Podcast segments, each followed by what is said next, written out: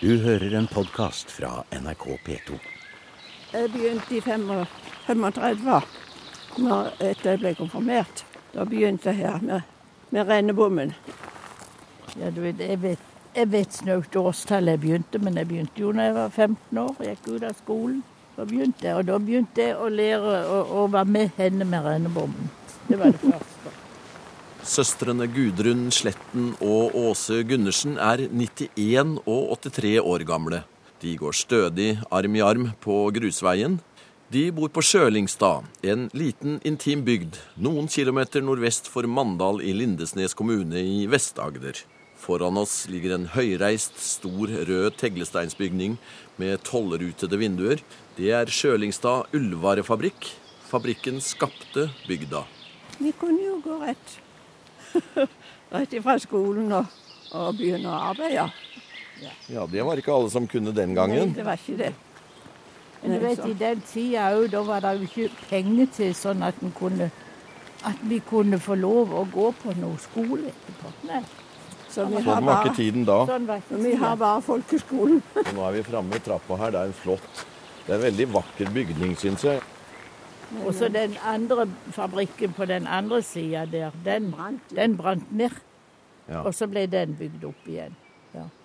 Men det er jo mange år siden nå. Ja, skal vi Ja, gå inn? Vet du, det husker ikke årstallet. Oi, vi skal ringe en ringeklokke, er det her? Eller er det der? Ja, trykk på alt som er. Ja, men Det er ikke så lett å vite. Nei, det er vanskelig, vet du. Men det er denne bekken vi hører sus av nå, da, som, eh, som har, var grunnlaget for, for hele bedriften. Ja, det var jo strømmen. Ja, Så de hadde jo aggregater eller ja. Og ulla, hvor kom den fra? Ja, det. Ulla den kom vel utenifra. Eller jeg vet ikke, det kom jo i svære vet, folk, kom, sikker. folk eh, kom jo, de som hadde sauer, Ja, de eh, kom jo og leverte her Ja. til. Ja. Det gjorde de. Men og, og, ellers så kjøpte de sikkert Olaug fra andre steder. Men er, har det vært mye sauehold i området her? Nei. Ikke, ikke her på Sjølingstad har det vært det. Det har bare vært sånn enkelt. da. Ja, Så det var importull? Det var Ja, ja, ifra, ifra Setesdalen og, og De kom jo ifra Åseral og, og ovenifra der med, med, med Olla. Ja. Og så bytte igjen og fikk tøyvær. Nå er døra oppe. Ja.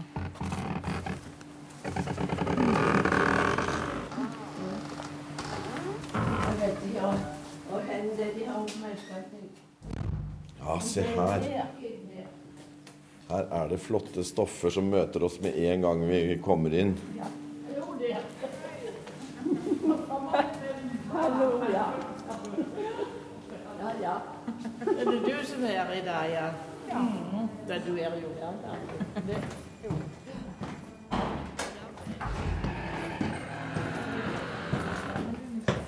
Hørte hun stemmen nei. August Hoven han var egentlig lærer. Han, eh, han eh, hadde helse som gjorde at det ble vanskelig å jobbe som lærer etter hvert. Og han hadde tydeligvis eh, en interesse for sånne industriforetak. Hans onkel hadde vært en av de ledende innenfor leserne i regionen her, altså haugianerne. Og haugianerne var jo virkelig industrigründere i Norge. Den tidlige, i stor grad manuell industri, men allikevel forløperen til den industrien den fikk. Så det er mulig han hadde noe derifra. I hvert fall så, så ønska han å, um, å, um, å spekulere litt i industrien da, og prøve å utnytte særlig vannkraften til å produsere noe. Vi har forlatt Gudrun Sletten og Åse Gundersen en stakket stund. Det er Birgitte Sørensen som nå knytter oss nærmere til Sjølingstad ullvarefabrikk. Sørensen er historiker tilknyttet Vest-Agder fylkesmuseum, og hun har skrevet sin hovedfagsoppgave om fabrikken. Det sviver bra på Sjølingstad, heter den. Men nå litt mer om fabrikkgründeren August Hoven. Så han begynte med å kjøpe, kjøpe fallrettigheter og sette opp eh, ei filleriver lenger ned i bekken her. Og Det var da en liten shoddyfabrikk der han reiv opp gamle ullmaterial, altså ullsokker og ullgenser. du, til- nå har du brukt ord som du nesten må forklare. Var det fillerive du sa? Ja, eh, ei pillemølle kalte de det gjerne. Ja. Det var, eh, shoddy er jo egentlig det ordet som brukes, en shoddyfabrikk. Og shoddy det er et eh, spinnmateriale av gamle ullprodukter. Altså gamle ullgensere og ullsokker kan rives opp igjen til noe som da ligner på ull. Så det var gjenbruk, altså? Det var gjenbruk allerede da. Og eh, det var noe som da kunne spinnes garn av og brukes i, eh, i teppe og, eh, og, andre typer stoffer som fyllmaterialer. Så Shoddy-fabrikken ble drevet da parallelt med denne fabrikken her. For denne fabrikken starta da opp noen få år seinere. Og da var Shoddy-fabrikken leverandør av Shoddy til Ulva-fabrikken. Så fabrikken her ble altså starta i 1894, og vokste da gradvis til å bli en relativt stor Ulva-fabrikk. Og med fabrikken så vokste òg bygda opp rundt her. Så disse sørlandshusene som du kommenterte, ja. alle de har kommet etter 1894. Det, er, det var arbeidere som satte opp hus, noen ble flytta fra andre steder her til. Det største huset med to piper der nede var disponentboligen, som òg ble satt opp. Det var disponent nummer to som bodde i den. Det var tre generasjoner Hoven som drev fabrikken her. Så det var andre generasjon som satte opp den. Men eh, du nevnte Hans Nilsen Hauga. Hadde han vært her? Nei, dette her var jo en stund etter, mm. etter Hauga. Mm. Så det var jo eh, disse egentlig eh, eh, generasjonene før August Hoven som var tilknytta disse leserne, eller haugianerne. Ja. Men Hauge har sikkert vært i området på den tiden, da? Det har han. Og sådd sine ja. spor? Ja. Om han har vært akkurat her, det vet ikke jeg noe om. Men Nei. han har jo utvilsomt vært på Agder. Ja. Mm.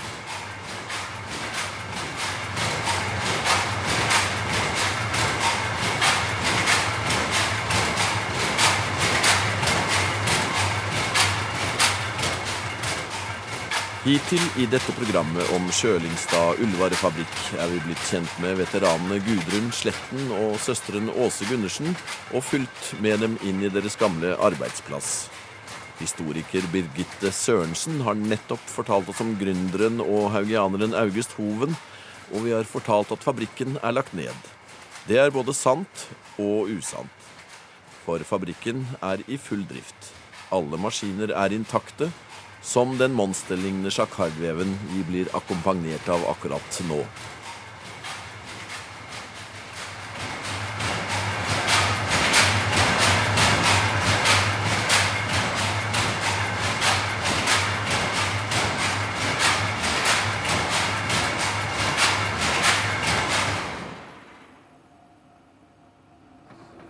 Er det ikke en fantastisk lyd? Det er en veldig flott lyd, men jeg ja. kan tenke meg at den eh, kan bli ganske slitsom etter noen timer. Men du har eh, hørselvern, selvfølgelig. Ja, det er klart det. Det er nødt til å bruke. Ja, det er du som eh, prøver å temme denne sjakardveven som jeg nå har hørt om flere ganger. Ja, da. Kan du bare kort forklare hva slags vev det er? Nå ser jeg jo det stoffet som kommer ut her, er fantastisk fint. Ja, dette, er, dette blir uh, ullteppe.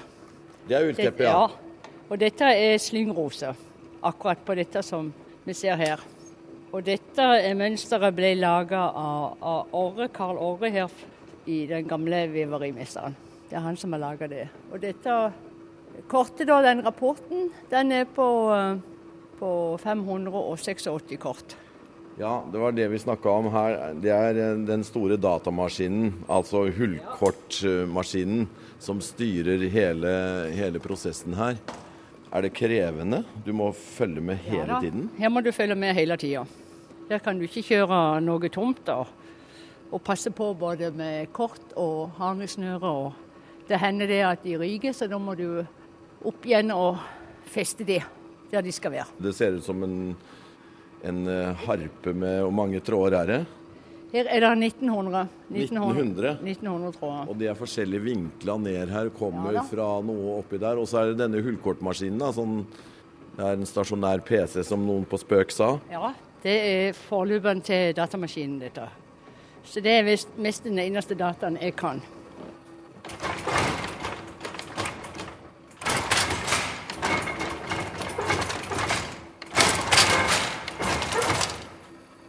Det flyr jo som en sånn kanonkule gjennom her. Hva kalles det? Er det Skytleren, ja. Ja, de kjører fort. De kjører vel ca.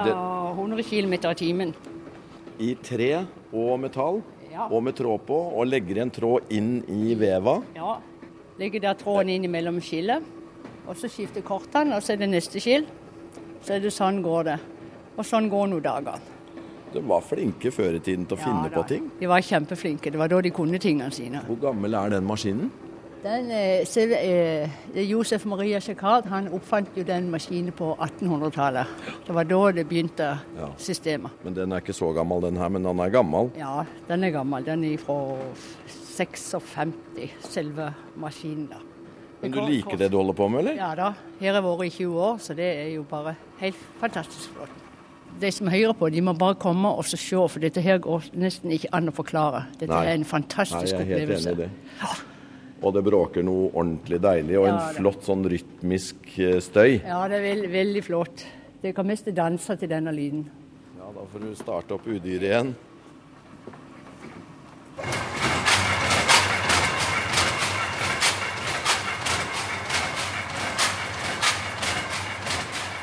Veverske Gunnveig Helland er en av de ansatte som bærer med seg kunnskap som er helt nødvendig for at Kjølingstad ullvarefabrikk skal overleve som fabrikkmuseum.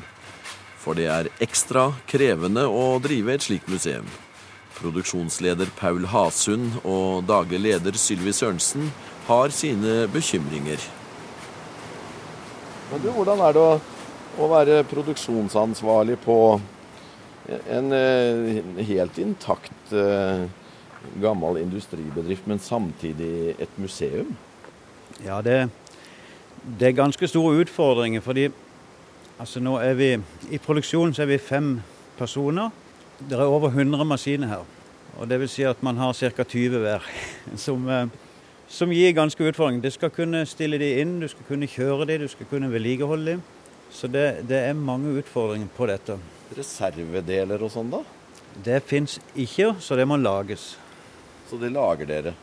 Vi lager de, ja. Så stort sett er vi ja, alt vi trenger. Men eh, den kunnskapen som dere sitter med her, må jo Dere var jo ikke evig heller. Hvordan, skal det, hvordan er etterveksten av folk som kan, som kan videreføre museumsarbeidet?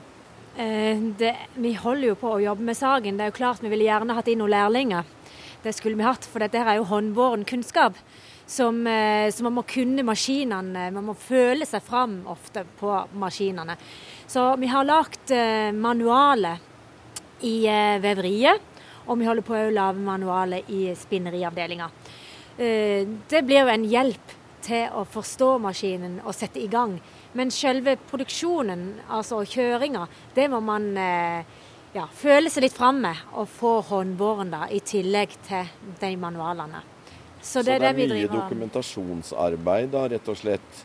Men så må noe holdt jeg på å si, gå fra mann til mann, eller fra kvinne til kvinne. Ja, nettopp. For når man da starter f.eks. sjakardveven, så, så må man vite hvordan man skal slure på, altså slure på den her eh, startstanga for å komme i gang. Det er ikke bare å trykke på en knapp, og så går det av seg sjøl. Og det samme òg i vaskeriet og sånn. Vi har en valkemaskin, altså en slags krympemaskin. Så når Jorunn kjører den, så, så kommer det an på temperaturen på vannet, og det kommer an på temperaturen i rommet, og hvor lenge denne skal stå og valke da, og gå inn i teppet. Og så må hun stoppe og måle teppet, og så ta det inn igjen. Så det er veldig mye sånn, sånn man, man bare veit det, rett og slett. Og man, man kjenner det, man, man hører det og lukter det. Og det kan man jo ikke få skrevet ned. Men eh, det er mange her som nesten ikke kan slutte da. Ja, det, det kan du si. Men når folk slutter, så, så har, man, vi- har vi et problem med at man har tre måneders oppsigelse. Og skal man ha tak i folk, så har de òg gjerne tre måneders oppsigelse. Så da blir det ingen overlapping. Så ja, det, det er utfordring her med det. Ja, det er Lærlinger, ja. Ja, det skulle vi gjerne hatt. Den sto rett her, rennebommen. Ja, forbi kontoret. Ja, akkurat. For da var ikke den veggen der. Nei. Vi skal videre inn. Her er jo Det er garnlageret, ja. Skal vi enda opp nå, ja? Ja. Jeg må si dere er spreke. Spreke, ja. Veldig, men jeg har så vondt i kneet.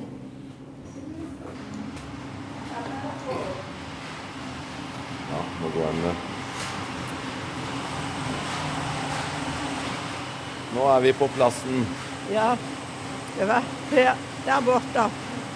Endebommen er jo blitt annerledes nå, men eh, sånn som den var det jeg jobba med. Med den typen. Ja.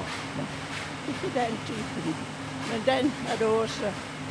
Begge dere var her samtidig, Nei, hun, hun var ikke her når jeg var her. Nei. Nei. men du var også her. Jeg har jo jobbet både med den mas- tvinnemaskinen og begge spolmaskinene, med rennebommen. Alle de har jeg jobbet med, og det var jo i grunnen her jeg holdt til hele tida. Var det et trivelig arbeid? Å ja, det var det. Jeg likte meg veldig godt. Var det hardt arbeid? Jeg måtte jo, måtte jo stå på det ene beinet og trø med det andre beina. Ja, Kan dere vise meg det her borte, kanskje? Skal vi gå bort og se? Det støyer jo her fordi maskinene går jo, det er produksjon her. Selv om det er et museum, og det er jo det som er det unike. Søstrene Gudrun Sletten og Åse Gundersen er tilbake i veveriet, hvor de samlet har flere tiårs arbeidsliv bak seg.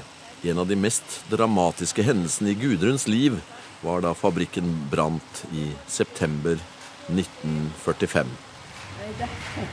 Da var jeg på, på kino i Mandal og sykla. Og så fikk vi jo greie på det at eh, fabrikken brant.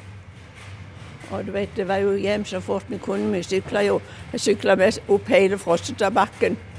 Ja, og så kom opp og så at arbeidsplassen var i brann. Det var fryktelig. Jeg får tårer i øynene. Ja.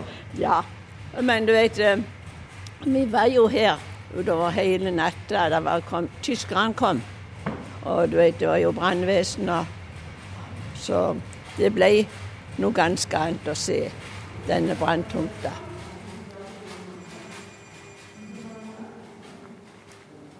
Vi har mange besøkende i løpet av året. Eh, Vi har både skoleklasse og gruppe, pensjonistgruppe som kommer på våren gjerne. Og så er vi med i Den kulturelle skolesekken, så de har opplegg her. Vi hadde, har hatt noen uker nå med den industrielle revolusjonen. Ja. Da kommer ungdomsskoleelevene og får lært litt om den saken. Og de kommer jo rett inn i de riktige maskinene fra riktig tidsalder. ja. Kommer de inn døra her? Ja, de kommer inn døra her, og så tar vi de inn i eh, butikklokalet vårt, eller utsalget. Ja, men da kommer vi jo rett inn i maskinerier, og her henger Ja. jo tepper og med flotte mønstre og greier, så du, du går rett inn som om det skulle vært en fabrikk i drift, og det er det jo. Ja, det er det jo. Og vi sier òg det at de maskinene dere skal få kikke på i dag, de er i bruk. Og da sier gjerne elevene hæ, de gamle maskinene der, det ser jo ikke ut som det. Det ser jo ut som museumsgjenstander, men det er i bruk. Så da går vi inn i eh, museumsbutikken vår. Ja, se her, ja. Her var Vi driver jo um, produksjon i dag òg. Vi er jo en museumsfabrikk, så det er jo unikt at vi har maskinene i gang og kan lage produkter som vi kan selge i butikken. Uh, så vi har uh, teppe, som er veldig Ja, spesielle. Ja, gå, vi må gå rundt hjørnet og se her. her har vi Skjellingstad-teppene. Veldig populære. Er det kjent, det? Det er faktisk kjent, Ja. ja. De Det burde jeg visst. Ja, De er kjent veldig i området her. og eh, det Du må vise meg et. Ja, Ta det skikkelig ut. Jeg vil se på et rødt et. Et rødt et, og det er da eh, ganske langt. Det er 2,20 eh, i lengde. Så det er mennene òg som kjøper teppe her, de er jo veldig fornøyde. For de slipper å fryse på tåtene. Ja. Så før i gamle dager så var det jo at de skulle ha gjerne doble. Man skulle ligge på et teppe og ha et teppe over seg under. Nå har vi tatt oss ned i kafeteriaen og butikken til Sjølingstad ullvarefabrikk. Eh, Den spraker i flotte farger. Sylvi Sørensen er daglig leder for museet og viser oss en imponerende bredde i produkter. Og her har vi altså noe filt. filt. Så det er pakka, pakka med sånn en pappmagebelte rundt. Ja, Den ullfilt. Ja, ullfilten den blir brukt Akkurat dette er hobbyfilt i masse forskjellige farger. Nå har vi plukka ut til litt påskefarge her, med oransje og gult og lysegult og litt eh, grønt Ja. og forskjellig. Så dette bruker man eh, til Og hobbylaging. farginga skjer her. Farginga skjer her, ja. Og så har vi òg den eh, altså ullfiltproduksjonen som vi bruker til bl.a. oppsamling av oljesøl i Nordsjøen. Det er litt spesiell type filt. Og så selger vi òg til gartneriet, sånn som de har under plantene. For å suge opp fuktigheten og beholde fuktigheten der. Og vi selger mye til lafting, altså laftefilt. Og da kan de få i forskjellig tykkelse og eh, forskjellig kvalitet av den slags.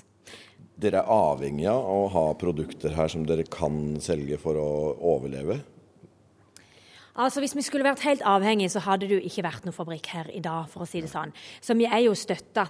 Eh, men det hjelper jo veldig greit å ha en produksjon sjøl òg. Eh, det hjelper oss både med overlevering av kunnskap, og at vi har maskinene i drift, at de virker, at folk har noe å se på, og så at vi har produkter i butikken. Det er veldig stas å komme til et sted der man produserer og selger varen. Det er ikke mange steder vi har. Ellers så, eh, så får vi, eh, vi bli støtta av Riksantikvaren med årlig drifts- og vedlikeholdsstøtte, som vi søker på år etter år. Ja, og fikk i år også? Ja, vi fikk i år òg, så vi er fornøyde med det. Jeg har også hørt bunadsstoff. Ja, vi er den eneste fabrikken som produserer plissé-stakken. Og plissé det er en slags sånn foldestakk, lagd stakk, som de sa før i tida. Det er sånn trekkspill? Ja, sånn trekkspill, ja. For å si det sånn. Så det er til Vest-Agder-bunaden. Vi har eh, to forskjellige eh, der, og så har vi en til Setesdalsdrakta. Den her som har sånn vippekant i bunnen. vet du. Ja. For når man presser ut den kanten og setter på de røde og grønne båndene, så vippes den ut. Veldig, veldig vakkert. Og det er mye håndarbeid med den. Først så, så veves han her med sånne eh, trekketråd på sida. Og når han er ferdig vevd stykket, så sender vi det til en mann som sitter da hjemme, øh, litt eldre fyr, som trekker trådene. Sånn at eh, altså, det blir veldig langt trukket inn. Og så skal dette ned og farges hos oss. Farges det her, eh, og deretter eh, henges det opp til tørk. Og så rulles den sammen. Og da ligger den i ett år eller mer før husfliden får han. Oi. Så det, han må liksom pakkes ut eh, han, Vi har ikke lov å pakke han ut før et år eller litt mer. For da har plisseen satt seg, altså Jeg disse her rynkene. Akkurat. Og Da trekker man ut trådene, og så drar man ut stoffet. Og da ser man den her plissé-trekkspillet, som du kalte det. Da har jeg lært noe virkelig noe viktig Ja. i dag. Det ble, var i periode kommunens største arbeidsplass. På det meste var det opp mot 90 ansatte her. Mange av de kvinnelige arbeiderne bodde i våningen på sida her, som var Ja. arbeiderbolig. Det er det hvite huset der. Den var helt nødvendig To å oppføre. To og en halv etasje. Den var nødvendig å oppføre da fabrikken ble etablert, for det var jo ingen hus her. Og arbeiderne måtte bo et sted. En ting var jo å få arbeidere. Det måtte annonseres etter arbeidere, og noen ble jo vi kan bruke et moderne ord som headhunta av disponenten gjennom familie og kjente. Eh, Og, eh, og mange kom da, ble, ble annonsert etter arbeidere, og de kom her til bygda. Og da måtte de jo innlosjeres et sted. Og da var det jentene eller kvinnene som bodde i våningen, mens guttene måtte finne innlosjering andre steder. Sier historiker Birgitte Sørensen. Og hun hevder at Sjølingstad ullvarefabrikk fremstår på høyde med det beste som er å finne av lignende museer i Europa. Fabrikken her det er vel egentlig en ganske typisk, eh, typisk eh, industribedrift for eh, Sør-Vestlandet. Den er ikke av de største, og den er heller ikke av de minste. Det som er litt spesielt, er jo at det er en ullvarefabrikk. Det var det flere òg i regionen, men mange steder så spesialiserte de seg på spinneri eller veveri. Mens her har du hele produksjonsprosessen. Helt fra den rå ulla kommer inn og skal vaskes og bearbeides, til garn og eh, veves, og da produktene skal etterbehandles til ullteppe og pledd og fine dressstoffer til smoking og bukser og, drakter og diverse. Sånn at det er litt spesielt at du har hele, hele produksjonsapparatet. Og det gjorde jo òg at eh, at det ble ganske, ble ganske sammensatt eh, kjønnsmessig i arbeidsstokken her. Mange av disse rene veveriene og spinneriene var store kvinnearbeidsplasser. Mens her var det ganske jevn, eh, eller relativt jevn fordeling mellom menn og kvinner. I perioder var det omtrent halvt om halvt, selv om kvinnene som regel var i overtall. Fordi at det var en del avdelinger som hadde mye tunge løft, som gjorde at det var klassiske mannsarbeidsplasser. Eh, Og det kan jo ha prega arbeidsmiljøet og forholdene på fabrikken. Hvordan er det å ha et sånt eh, smykke av et museum innenfor eh, sitt område? Det er jo eh, helt fantastisk, selvfølgelig. Eh, Vest-Agder-museet er jo virkelig privilegert som har en, eh, et besøkssted som dette, som eh, absolutt eh, er i eh, målestokk med de beste industrimuseene i Europa, vil jeg påstå. Her eh, har du fortsatt så å si hele produksjonsapparatet i gang. Eh, Fordelen eh, når fabrikken ble gjort om til et sånn levende museum, var at årene før fabrikken la ned, så hadde det ikke blitt gjort de store investeringer. Derfor så sto det jo igjen veldig mange av de gamle maskinene. Og folkene som jobber på fabrikken, bodde i området her og kunne bidra til å lære opp nye arbeidere. Og det var en kjempefordel. Så det er et unikt sted, altså. Absolutt. Er dere ofte her? Her på fabrikken. Ja. Ja, hver gang det er noe sånn. Når det er noen tilstelninger, Ja. da er vi der. Hva syns dere om at det er blitt et eh, museum av det, da? Jeg syns det er veldig flott. Og tenker på at eh, Tenk om det skulle ha vært nedlagt. Hvordan hadde bygda vært da? Ja, for det skaper jo fortsatt virksomhet og Ja. besøk og Ja, ja. liv. Ja, Gjør det. Så Men det er ikke alle som kan, det er ikke alle som kan uh, komme og besøke en, uh, en arbeidsplass som for lengst er nedlagt formelt sett, men som fortsatt eksisterer, Nei, og som dere kan komme inn i. Nei, det er helt sant. det. Så vi hadde jo greit på den måten. Ja. Her er jo julemarked, og her er jo alt mulig forskjellige ting. Og da kan du tro det er folk. Masse folk. Det vil jeg tro. Alle, alle plassene her er fulle med biler, det er fullt liv i, i fabrikken. Ja. Så det er veldig hyggelig. Men ja. Du har nå hørt programmet Museum som podkast fra NRK. Museum sendes i NRK P2 på lørdager klokken 16 og søndag morgen klokken 8. E-postadressen er museum.krøllalfa.nrk.no. Og nå har museum også en side på Facebook.